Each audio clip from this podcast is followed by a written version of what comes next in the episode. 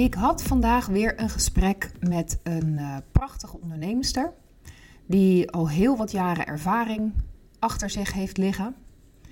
En die merkt nu dat ze een vocabulaire aan het gebruiken is. Wat gewoon net niet meer helemaal het hare is. En wat bedoel ik daarmee? Daar bedoel ik mee dat er een aantal woorden zijn die ze graag zou willen toevoegen aan haar vocabulaire, maar waarvan zij nog denkt, maar rennen de mensen dan niet weg? En dan zeg ik het natuurlijk heel plat, hè? zij is natuurlijk veel genuanceerder en gelaagder dan dat. Maar ik sla hem even plat tot deze kern, omdat dat denk ik ook iets is wat heel veel mensen herkennen. Ik herken het zelf in ieder geval uh, wel. Even voor de context, toen ik uh, begon met ondernemen, stapte ik eigenlijk net uit een hele wetenschappelijke setting. Um, en veel van mijn vrienden waren ook uh, vrienden van de universiteit. En nou, wij waren een uh, gezelschap van best wel hoofdmensen. En in de eerste jaren van mijn ondernemerschap had ik het vooral over de technische kant van mijn werk.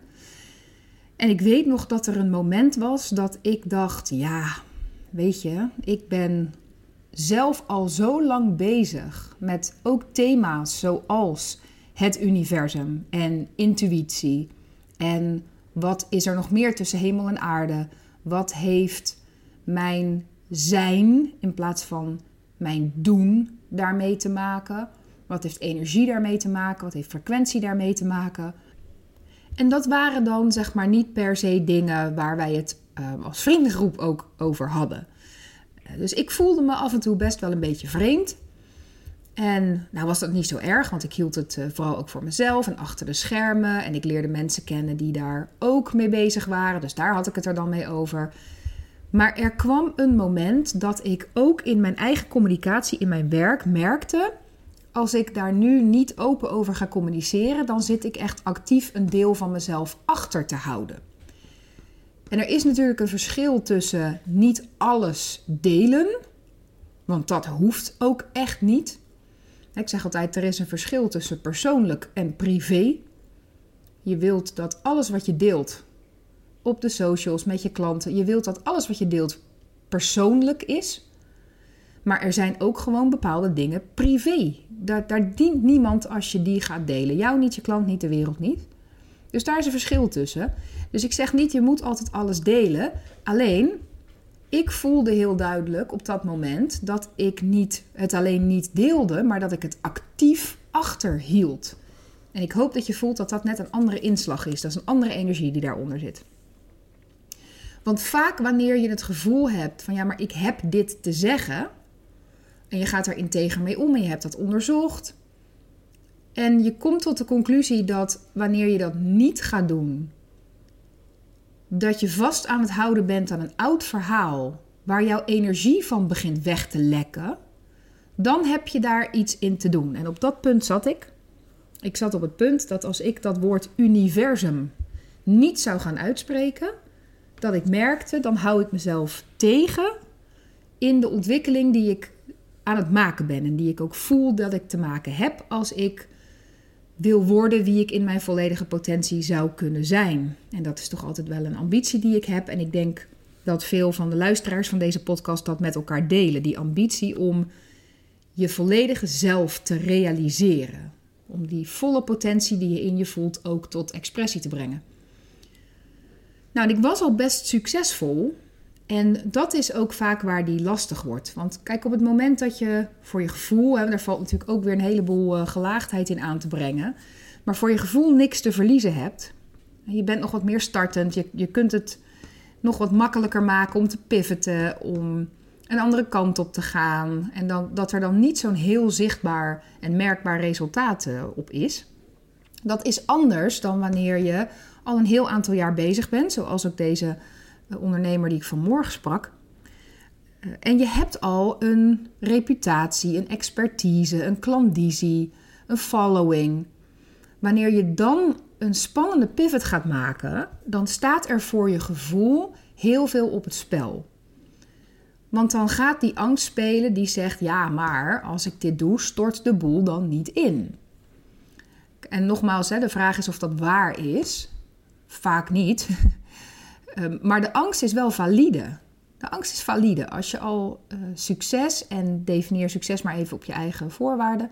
Maar als je al succesvol bent geweest, je hebt al klanten, omzet, een reputatie, een expertise, uh, mensen kijken naar je, dan is een pivot maken, dat wordt steeds spannender. Dat is gewoon wat het is. En toen ik voor het eerst dat woord universum wilde uitspreken, nou, ik kan je verzekeren, ik kreeg het gewoon bijna mijn strot niet uit. Dat is op zich ook weer logisch, hè? want je stem is een spier. Gewoon, nou, maar even technisch worden, maar je stem is een spier. En zoals met elke spier, wat je vaak doet, daar train je je spier op. Dus dat kan je makkelijker. Als jij heel vaak uh, gewichten optilt, dan kun je dat uiteindelijk makkelijker dan iemand die nooit gewichten optilt. Een spier traint zichzelf met wat je ermee doet. En dat geldt precies zo voor je stem.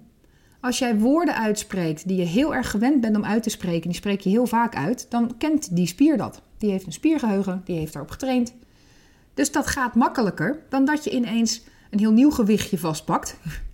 Dus in dit geval een heel nieuw woord, wat je gewoon niet gewend bent om uit te spreken. In mijn geval was dat universum. Ik kreeg het amper mijn strot uit. Nou, veel mensen denken soms dat als ze iets moeilijk uit kunnen spreken, dat dat dan gelijk een soort energetische grondslag heeft. En dat kan, hè. er zijn gevallen waarin dat zeker zo is. Maar heel vaak is het ook gewoon een kwestie van dat die spier niet gewend is om dit vocabulaire letterlijk vast te hebben en daarmee te werken. En dat ga je voelen, dat ga je merken. Dat zul je gewoon moeten trainen. Dus om nieuw vocabulaire toe te voegen is op heel veel levels niet zo eenvoudig. Dat, dat begint dus al bij gewoon dat, dat stukje spier in je lijf. Krijg het je strop maar eens uit als je het verder nog nooit hardop ergens hebt uitgesproken. Dat is een nieuwe tak van sport. Tot aan de angst die kan gaan leven bij je. Zeker als je al succesvol bent geweest, je kent al succes. Maar kan ik dit wel doen zonder dat de boel instort? Nou, terug naar eh, dat punt dat ik dacht, ja, nu zit ik actief iets achter te houden. Ik wist, als ik dit woord nu niet ga toevoegen, dan ben ik niet meer trouw aan mezelf. En dat is ook iets wat veel podcastluisteraars zullen herkennen. Dat neem ik maar even aan. Dat, dat trouw zijn aan jezelf is een hele belangrijke factor. Voor mij is die heel belangrijk, voor, voor al mijn klanten is die ontzettend belangrijk. Trouw zijn aan jezelf. We gaan niet een verhaal vertellen wat niet trouw is aan jezelf. Nou, deze ondernemer die ik vanmorgen sprak, die zei ook: als ik dit nieuwe vocabulaire niet ga uitspreken, als ik het hier niet over ga hebben, dan ben ik niet trouw aan mezelf. Want het zit wel degelijk in me en ik weet dat ik er iets mee wil. Veel mensen verwoorden het als: ik moet er iets mee. Nou, ik gebruik het woord moeten uh, nooit lichtvoetig, want ik geloof erin dat je helemaal niks moet. Maar ik snap natuurlijk wel wat iedereen ermee bedoelt. En in deze context bedoelt men vaak, als, je, als ze zeggen ik moet er iets mee, dan, dan bedoelt men vaak als ik er niks mee doe, dan loop ik leeg. Als ik hier niks mee doe, dan stort de boel sowieso in. Want het oude werkt niet meer. Dus als ik dit nu niet doe, dan voel ik dat ik terugzak. Dat mijn energie terugloopt, dat mijn gezondheid gaat teruglopen, dat mijn klanten gaan teruglopen, mijn omzet gaat teruglopen, mijn zin in het leven gewoon gaat teruglopen, mijn plezier in de dingen gaat teruglopen. Alles gaat gewoon teruglopen. Ja, het klinkt misschien een beetje heftig met zin in het leven en zo, maar het is gewoon wel realiteit. Dit zie ik eh, om me heen heel veel gebeuren en ik ken het ook van mezelf. En dan zeggen mensen dus ik moet er wat mee. Nou, ik vind het sowieso krachtiger om dan te zeggen dus ik wil er iets mee en ik ga er ook iets mee doen. Want als je het woord moeten gebruikt, daar zit nog steeds een afhankelijkheid in van de externe omstandigheid. Omdat het zo is, moet ik nu dit vocabulaire gaan gebruiken. Nee, je moet nog steeds niks. Het blijft jouw keus. En je haalt zoveel kracht naar je toe als je dan ook dat durft te ownen en te zeggen: ik wil hier iets mee en ik ga er iets mee doen ook damn the consequences. Want ja, je angst gaat dan zeggen: ja, maar dadelijk rent iedereen weg. Ehm, terwijl je echte diepe weten al lang weet dat het tegenovergestelde gaat gebeuren. Anders is dit gevoel niet zo sterk. Van ik wil hier iets mee, of misschien wel het gevoel kan zeggen: ik moet hier iets mee. Dat gevoel is niet zo sterk als dat niet daadwerkelijk iets te brengen heeft voor je. Dus in mijn optiek is het altijd risicovoller om vast te houden aan een oud verhaal terwijl je voelt, ik zit nu actief iets achter te houden, wat wel heel nadrukkelijk in mezelf aanwezig is en waar ik een groot, nou in ieder geval een grote energie op voel, maar ik hou het achter uit angst dat mijn klanten dan weglopen. Dat het risicovoller is om dan aan dat oude verhaal vast te houden en te denken, nou dan ploeter ik daarop maar door, komt vast wel goed. Dat is vaak risicovoller dan daadwerkelijk het nieuwe vocabulaire oppakken en gaan staan voor wat je werkelijk wilt zeggen. Nou, dat wil niet zeggen dat er niet een manier is waarop je het vervolgens kunt gaan zeggen, die mede bepalend is voor of mensen daar weer op aanhaken of niet. Nou, daar komt ook mijn achtergrond uh, als storyteller aan bod. Want toen ik voor het eerst dat woord universum ging gebruiken, heb ik niet zomaar een post gemaakt. Van, nou, en nu ga ik dan dat ook maar opschrijven en hup, daar ga ik. Nee, daar heb ik een paar dagen voor uitgetrokken om een verhaal wat, wat ik graag wilde delen. Althans, ik wilde het helemaal niet. Hè. Mijn angst die was alleen maar aan het zeggen: nee, nee, dit kan ik echt niet doen. Ik raak al mijn klanten kwijt, ik raak al mijn opdrachten kwijt. Ze nemen me nooit meer serieus als ik over het universum ga praten. Dat was voor mij toen heel reëel. Ja, als je, je kent me nu, tenminste, als je me kent. Hoi, leuk dat je me kent inmiddels. Als je nieuw bent, hoi, ook leuk dat je me leert kennen. Maar als je me inmiddels een beetje kent, dan weet je dat dingen als universum en energie en frequentie, dat is bijna ondenkbaar dat ik dat ooit niet uitsprak. Ja, dat is ontwikkeling. Ooit sprak ik dat niet uit. Dus toen ik dat voor het eerst ging doen, wilde ik dat eigenlijk helemaal niet, want ik had al die angststemmetjes. Maar ik wist ook, ja, ik wil het wel. Een dieper level van mij wil dit wel. En ik weet dat daar mijn groei zit. Ik weet dat daar de flow weer zit. Want het feit dat ik nu dit achter zit te houden, dat gaat merkbaar worden in mijn bereik. Het gaat merkbaar worden in hoeveel klanten er blijven aanhaken. Dat gaat teruglopen. Want als ik iets terughoud, als ik terughoudend ben, dan is dat dus de hele frequentie van terughoudendheid. En dan wordt alles en iedereen terughoudend. Dus ook mijn klanten, ook mijn opdrachtgevers, ook de interactie die ik uh, tot dan toe had met mensen. Dat gaat dan ook een terughoudendheid krijgen. Dat is de wet van aantrekking. Zo, zo werkt het gewoon. Dus een, dieper deel van mij wist wel, ik heb dat te doen. Als ik trouw wil zijn aan mezelf, dan heb ik dat te doen, dan heb ik dat op te pakken.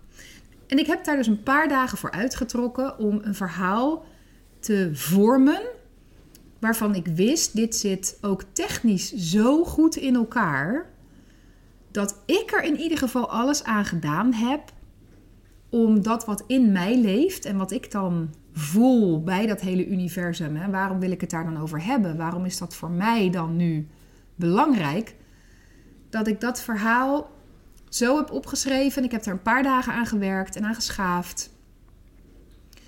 Dat dat op de meest integere, zuivere manier die ik voor elkaar kon krijgen, bij mijn publiek terecht kwam.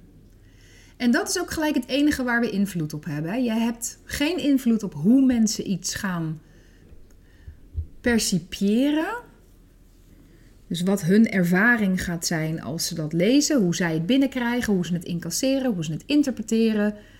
De perceptie ervan bij de luisteraar, bij de lezer, daar heb je geen controle over. Maar je hebt wel degelijk controle over hoe jij het naar hen toe brengt. En daar kan je wel degelijk de wereld in van verschil in maken als je dat doet op een manier waarvan we gewoon weten dat het bij mensen op een bepaalde manier wel of niet binnenkomt. En hoe zij die binnenkomst dan vervolgens oppakken en wat ze ermee doen is aan hen. Maar je kan dat voor een heel groot deel, de binnenkomst zelf, wel degelijk sturen. Je kunt de dingen die je doet en zegt rechtstreeks naar het emotionele deel van iemands brein sturen. En je kunt het rechtstreeks naar het rationele deel van iemands brein sturen. Er zijn gewoon technieken voor. Dat is wat gek. Dus ik heb dat gedaan zodat ik wist dat het vanuit mijn hart naar het emotionele deel van het brein van mijn lezer in dit geval zou gaan, want ik schreef dat. Zodat, zij, zodat de kans het grootst was dat zij zullen ervaren: dit is van hart tot hart geschreven. Dus die tijd, aandacht, energie, integriteit heb ik daarop gezet. Wat niet wegnam dat ik tijdens dat schrijven en al helemaal toen ik op de knop met publiceren ging drukken, verzenden, zei alles in mij: Oh, dit voelt niet goed. Ik had letterlijk zweethanden. ik dacht, nu gaat het helemaal mis, nu raak ik alles kwijt. En veel mensen verwarren dat gevoel met hun intuïtie, die dan zegt: dit klopt niet. Terwijl mijn intuïtie is hetgene dat zegt: ik was aan het leeglopen door het achter te houden. Ik moet er iets mee. Dat, dat moet stemmetje. Wat ik dus liever formuleer als ik wil er iets mee. Maar zo ervaar je dat op dat moment waarschijnlijk niet. Je ervaart het als een soort ik moet er iets mee. Want doe ik het niet, dan krijg ik op mijn donder. Van datzelfde universum. Van mijn eigen hogere zelf of inner being of hoe je het ook wil noemen. Doe je het niet, dan krijg je op je donder. Dan ga je je potentie achterhouden. Dan ga je ontwikkeling tegenhouden. Dat is je intuïtie. Die zegt ik heb daar iets mee te doen. Dat het vervolgens dan zo oncomfortabel voelt om het ook daadwerkelijk te doen, heeft te maken met die spier. Je hebt het nog niet eerder gedaan. Het is nieuw. En dan gaat je ego en gewoon je breinelasticiteit, hè, want een brein is elastisch, die wil alleen maar terug naar wat hij kent. Dat is wat, een, wat iets wat elastisch is doet, dat veert terug naar de stand die hij kent. Je moet van goede huizen komen, wil je iets elastisch een andere, in een andere positie rukken. Dat doe je je brein aan hè? als je iets nieuws gaat doen. Dan, dan trek je die elasticiteit uit de positie die die kent en het moet iets nieuws gaan doen. Natuurlijk voelt dat oncomfortabel. Het zou heel gek zijn als het niet oncomfortabel voelt. En dan heb je juist te vertrouwen op die diepere intuïtie, op dat diepere weten dat zegt ja, maar ik weet ook dat als ik deze stap niet zet, want dat heb ik al gevoeld, dat heb ik al ervaren, dan loop ik leeg, dan gaat er iets mis. Dus ik voelde dat ook enorm oncomfortabel en ik heb wel op verzenden gedrukt. Daarna heb ik mijn laptop dichtgeklapt en ik durfde ook niet meer. ik durfde ook niet meer te kijken. Ik dacht, ik hoef het ook niet te weten wat er wel of niet gebeurt met deze post. Laat maar. Totdat ik na nou, een half uurtje denk ik een berichtje kreeg. Waarin stond, heb jij al gezien wat er gebeurt met jouw laatste post? Op Facebook. Ik zeg, nee, dat durf ik niet. Ik zeg, nou ga toch maar even kijken. Oké. Honderden. Dat was nieuw voor mij, want ik ben helemaal niet zo van de post met ongelooflijk veel likes. Dat, daar doe ik het natuurlijk ook helemaal niet voor. Um, maar honderden likes op die posts en even zoveel reacties. En allemaal reacties van mensen die zeiden: Ik ben zo blij dat jij dit durft uit te spreken. Want hier loop ik al zo lang mee, maar ik durf het niet te zeggen, want mijn omgeving snapt me niet. Ik ben bang dat iedereen wegrent. Maar doordat jij dit doet, voel ik de toestemming om het ook te doen.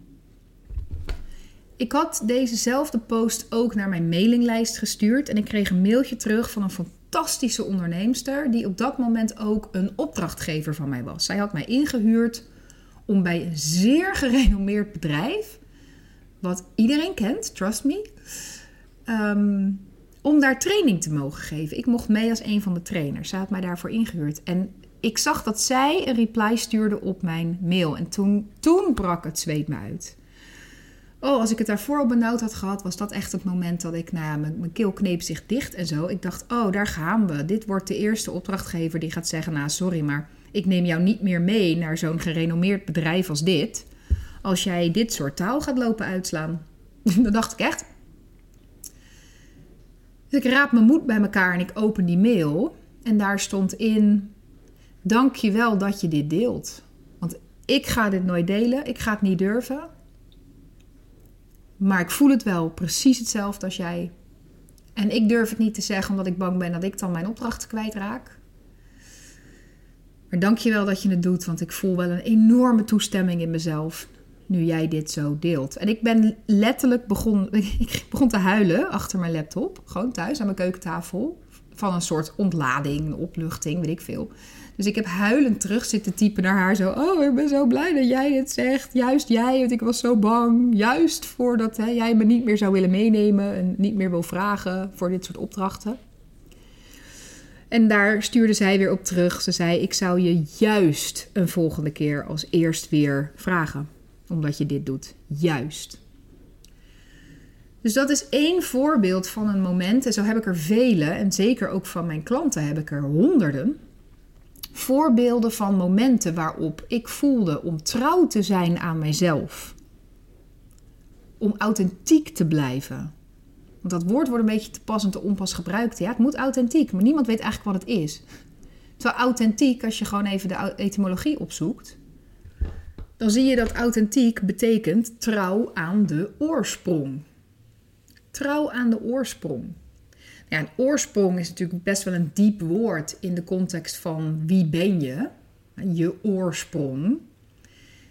Dat is ook veel meer een gevoelslaag. Maar als ik verbind met die oorsprong, in ieder geval op dat moment, als ik dit voorbeeld neem, dan was ik niet trouw daaraan als ik niet dit verhaal ging vertellen, als ik niet dit vocabulaire durfde op te pakken.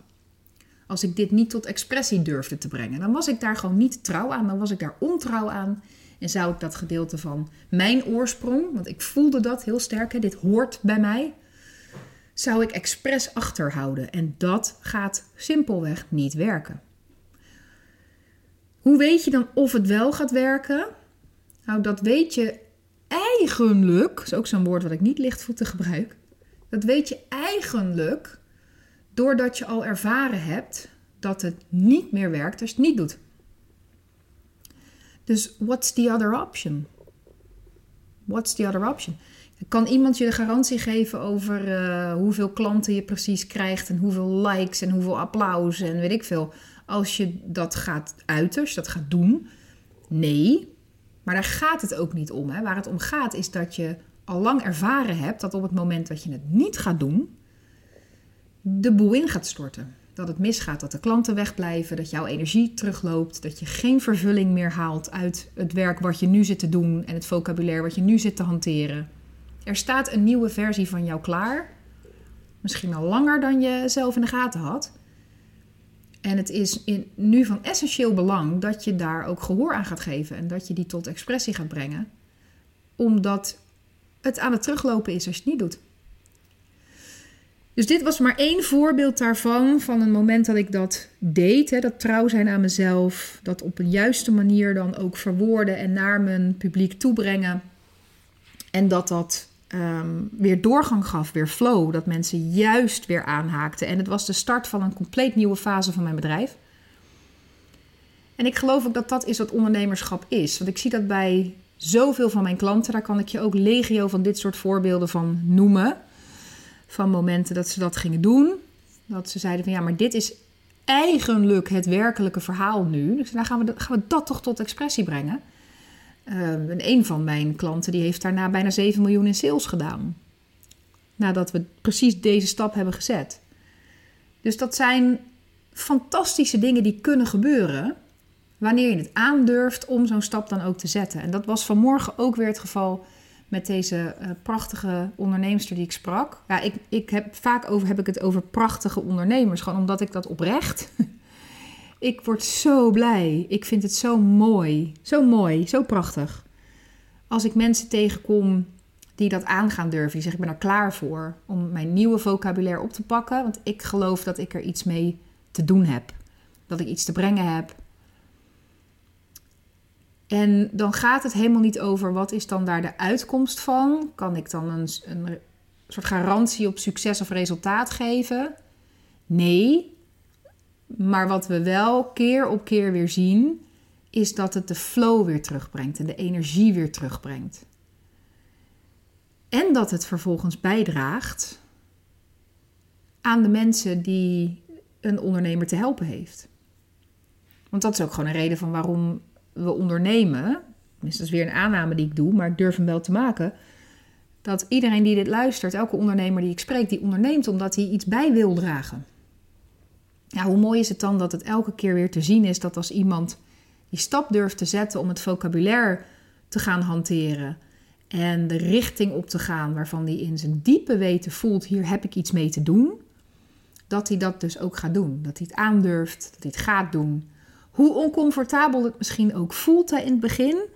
Nogmaals, ik heb je net een voorbeeld gegeven van dat ik, en dan, dan durf ik wel te beweren dat ik wel vaker met dat beltje heb gehakt. Maar dat zelfs voor mij, als ik iets nieuws ga doen wat gewoon spannend is en waarvan ik denk, ja, staat dat niet een beetje haaks? Of is het niet een hele grote pivot ten opzichte van wat ik tot nu toe aan het doen was? Rent iedereen dan niet weg? Stort de boel dan niet in? Ja, daar zit elke keer weer gewoon een, een oncomfortabele factor in. Puur omdat het nieuw is. Niet omdat je dan gefaald hebt. Dus als je angst voelt op, ja, weet je, ik ben nou zo succesvol en nou wil ik deze stap zetten en ik durf gewoon niet. Ja, daar, daar kan zelfs een soort schaamte op komen. Hè? Van, weet je, waarom krijg ik het nou nu niet voor elkaar? En het is, en het is allemaal gewoon menselijk. Het mag er gewoon zijn. Het hoort er gewoon bij. Het is niet gek. Ik hoop dat, dat ik je dat met deze podcast ook heb kunnen laten zien. Want ik denk wel dat dat een van mijn ehm, van de boodschappen is uit deze podcast. Is alles wat je doet wat nieuw is, gaat even trekken aan je brein. En soms als je het dus gaat uitspreken, nieuw vocabulaire, gaat het zelfs trekken aan je stem. Want dat is ook gewoon een spier die niet gewend is om datgene uit te spreken wat jij nu uit wilt gaan spreken. In ieder geval niet op deze schaal en voor dit publiek. Want ik had het dus al wel over het universum met andere ondernemers die het prima vonden om het te hebben over het universum. Maar geloof me, dat was nog steeds anders dan dat ik wist, ik ga dit naar een paar duizend mensen uitsturen. Ja, daar hoort een factor van oncomfortabel voelen bij. En daar is dus niks mis mee. Dus samenvattend en afsluitend voor deze podcast. Wanneer je voelt, net als dat ik heel vaak heb gehad in mijn onderneming, net als dat deze onderneemster had die ik vanmorgen sprak, net als wat heel erg veel van mijn klanten hebben. Ik ben uit dat jasje van mijn oude verhaal gegroeid. En ik voel dat het nu allemaal terugloopt als ik blijf vasthouden aan dat oude verhaal. Terwijl er iets in mij zit waarvan ik voel, volgens mij mag ik daar wat mee. Misschien vormt het zich bij jou als moet ik wat mee of wil ik wat mee. Maar ik denk dat je middels het gevoel wel uh, kan isoleren waar ik het nu over heb. Als dat er zit, conclusie van deze podcast, is dat het heel goed mogelijk is dat mensen helemaal niet wegrennen daarop, maar dat dat juist hetgene is wat de flow weer terug gaat brengen. En wat jouw energie weer terug gaat brengen. Wat de fun weer terug gaat brengen. Wat je vervulling weer terug gaat brengen. Wat je impact gaat vergroten. Wat nieuwe klanten gaat trekken.